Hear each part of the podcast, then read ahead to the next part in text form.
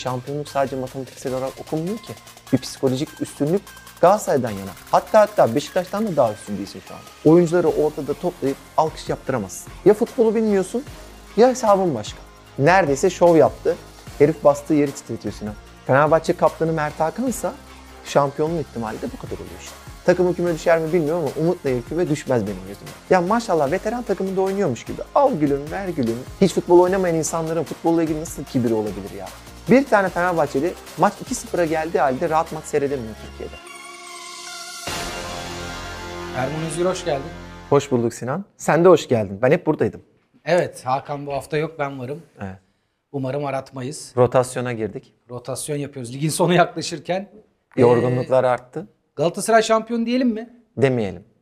Futbolda matematik her zaman geçerlidir ama psikolojik anlamda, özgüven anlamında Türkiye'nin şu anda en ağır favorisi diyelim. Ama şampiyon kısmına katılmayabilirim çünkü çok zor maçları var.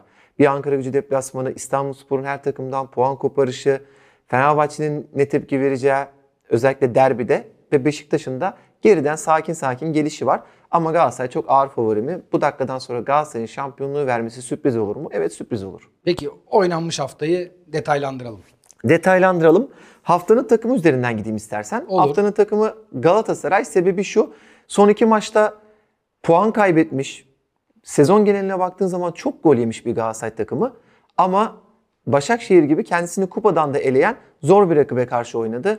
Ee, öncelikle işin kontrollü kısmını oynayabilmek adına Fenerbahçe'nin puan kaybı Galatasaray için büyük bir avantaja dönüştü. Galatasaray'ı stresten kurtardı Fenerbahçe her şeyden önce. Ve Galatasaray attığı golün kıymetini bildi.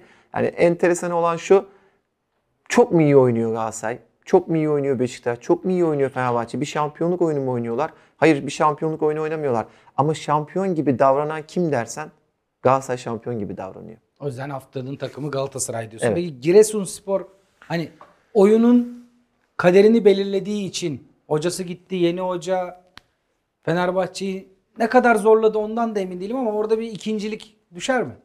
Beni şaşırtmayan takımlar kaybedecek hiçbir şey kalmayan takımlardır. Giresunspor'un da kaybedecek bir şey kalmadı. Özellikle İstanbulspor mağlubiyetinden sonra e, canını dişine takarak oynadı. Ama ne olursa olsun ortada bir kalite gerçeği var. Ve Giresunspor'un hem 11'i hem kulübesi Fenerbahçe kadrosuyla kıyaslanabilecek bir kadro değil.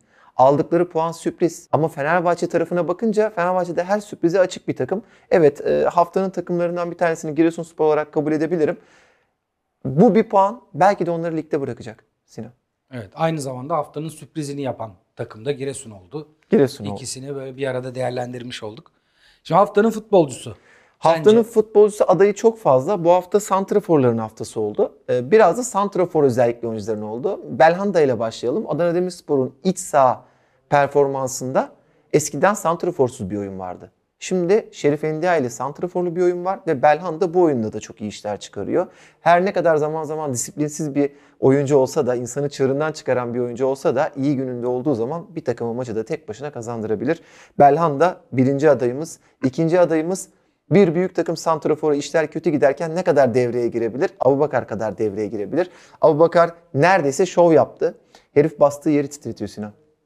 Yani fiziksel olarak da, istek olarak da, arzu olarak da inanılmaz iş Gümbür çıkarıyor. gümbür. Gümbür gümbür geliyor. Herkesin yani santrafor oynayan herkesin gıpta ile baktığı bir oyuncu. Ve Beşiktaş'ı aldı sürüklüyor Cenk Tosun'la beraber. O ikinci adayımız. Umut Bozok nihayet maç kazandıran santrafor olma yolunda bir maç oynadı. O, o, da Trabzon'da işler bu kadar istikrarsız giderken çok önemli bir performans sergiledi. Bir haftanın futbolcu adayı da o. Ama haftanın futbolcusu kim dersen kesinlikle Umut Nayır. 3 gol bir asistlik performans. Sanırım kariyerinde bundan daha iyi bir maçı yoktur. İstatistik anlamında.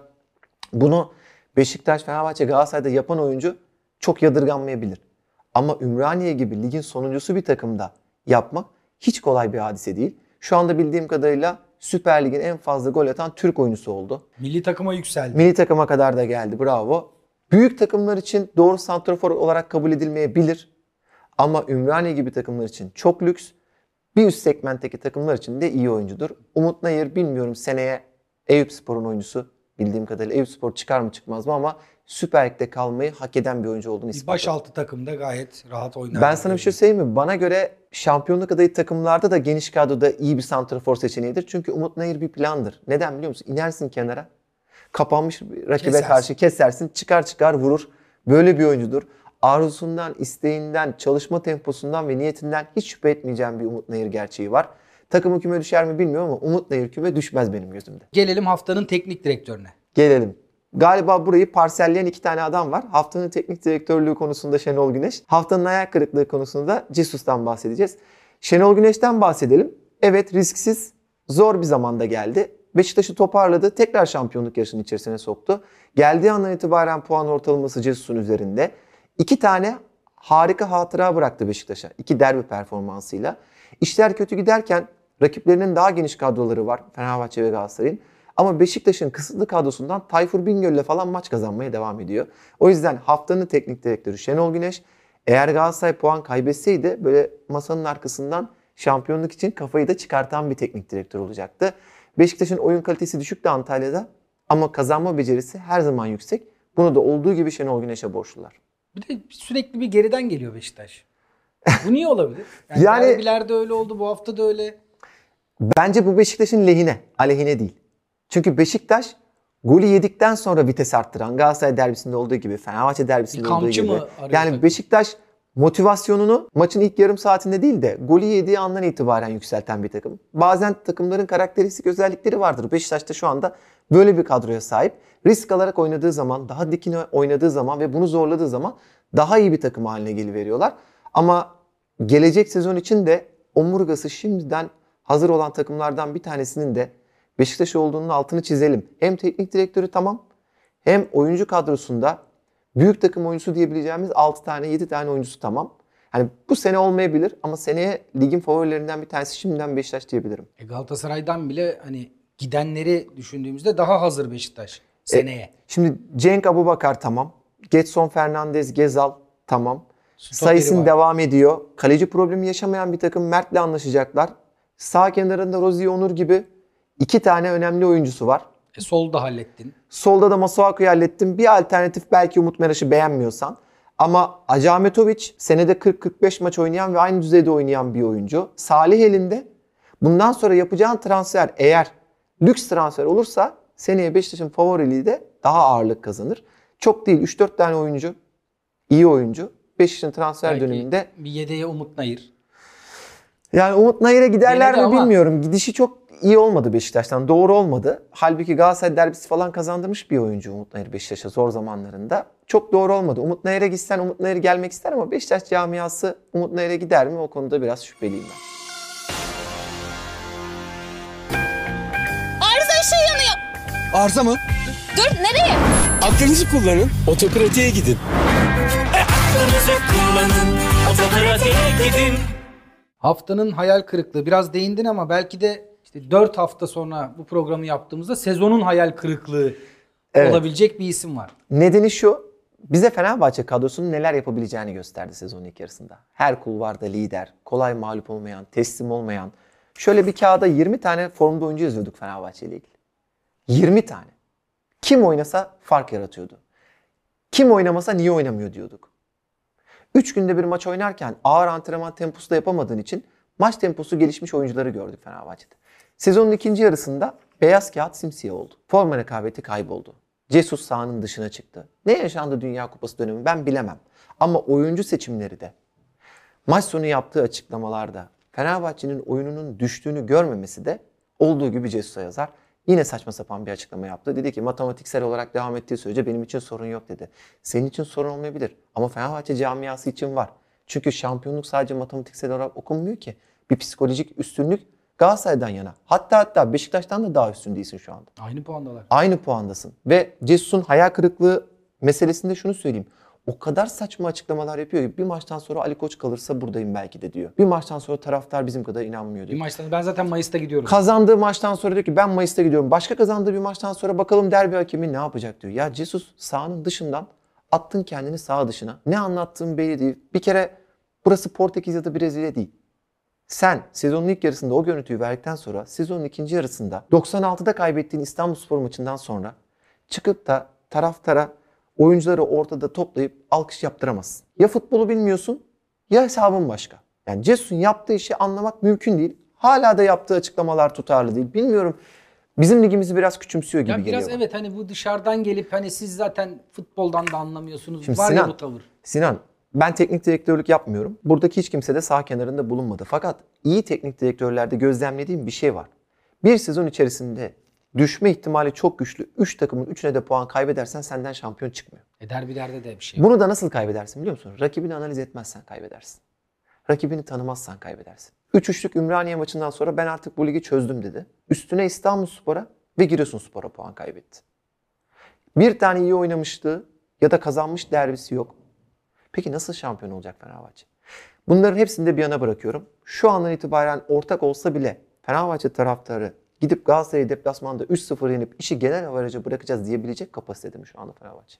Bence hiç yani Fenerbahçe- zaten yok. Fenerbahçe çöktü ve şunu söyleyeyim sana. İstanbulspor Galatasaray'dan puan alamazsa Fenerbahçe'nin Trabzonspor maçını kazanıp kazanmamasının da çok fazla bir anlamı kalmayacak. Protestolar eşliğinde de oynayabilir o maçı. Evet, Trabzon alkışlanabilir orada ki Ya Trabzon alkışlanmaz Kadıköy'de de. Yani o, o ihtimali hiç görmüyorum ben. Trabzon'da oynamış birisi olarak o nefreti hissettim Kadıköy'de. Ama e, alkışlanmasa da kendi oyuncusuna destek olmaktan ziyade Sayın Ali Koç'a ya da Cesus'a çok ciddi protestoların olabileceği bir maçtan bahsediyoruz. Kötü oyunu görmek istemedi Cesus. Sezonun ikinci yarısının ilk maçından beri. Bunu görmek istemeyişi onu hep saha dışına itti. Birçok açıklamasında.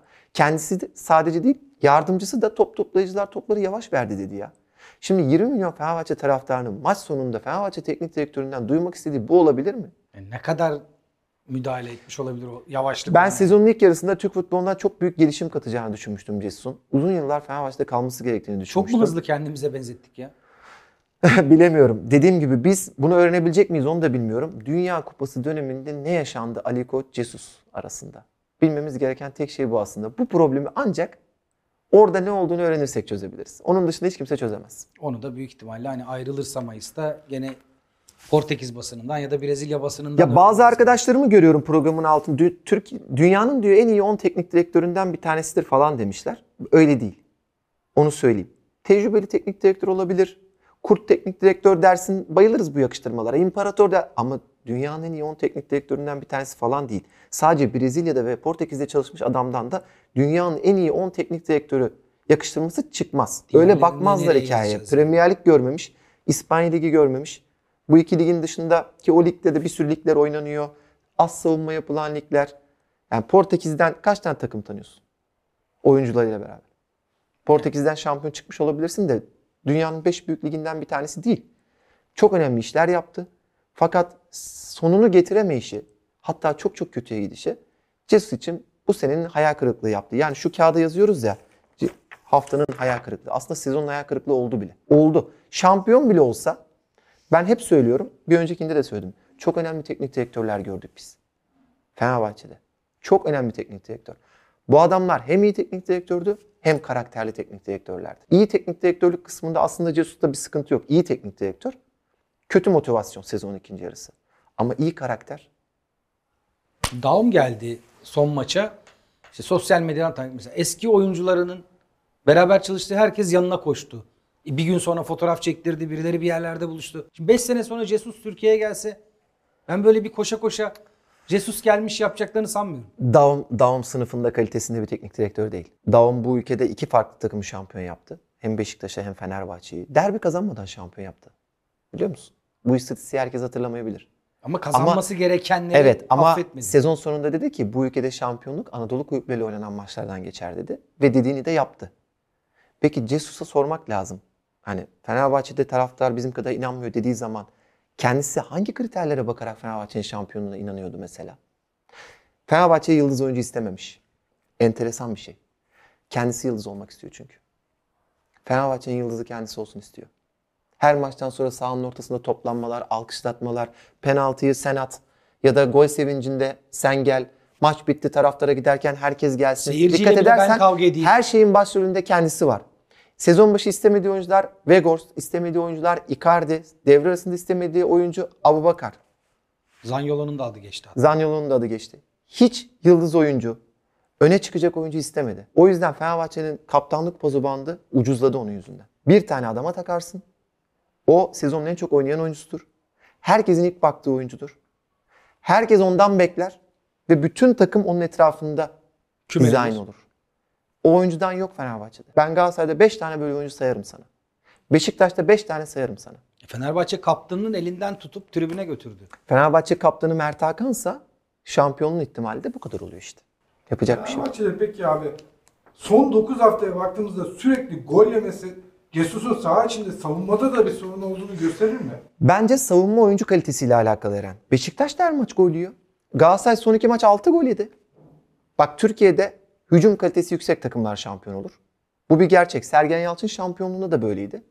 Bir tek Trabzonspor'un şampiyonluk oyunu farklıdır. Ama Beşiktaş, Fenerbahçe, Galatasaray'ın şampiyonluk oyunlarında hücum kalitesi vardır.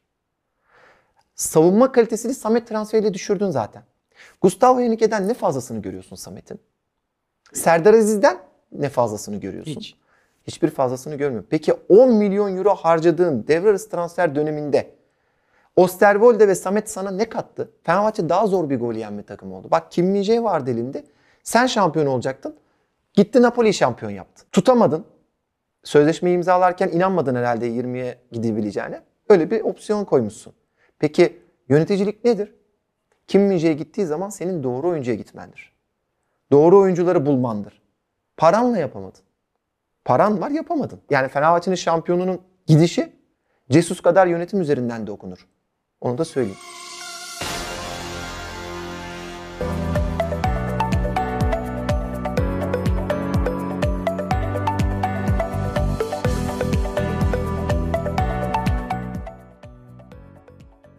Haftanın olayına gelelim. Haftanın olayı nedir biliyor musun? Aslında burada bir analiz var.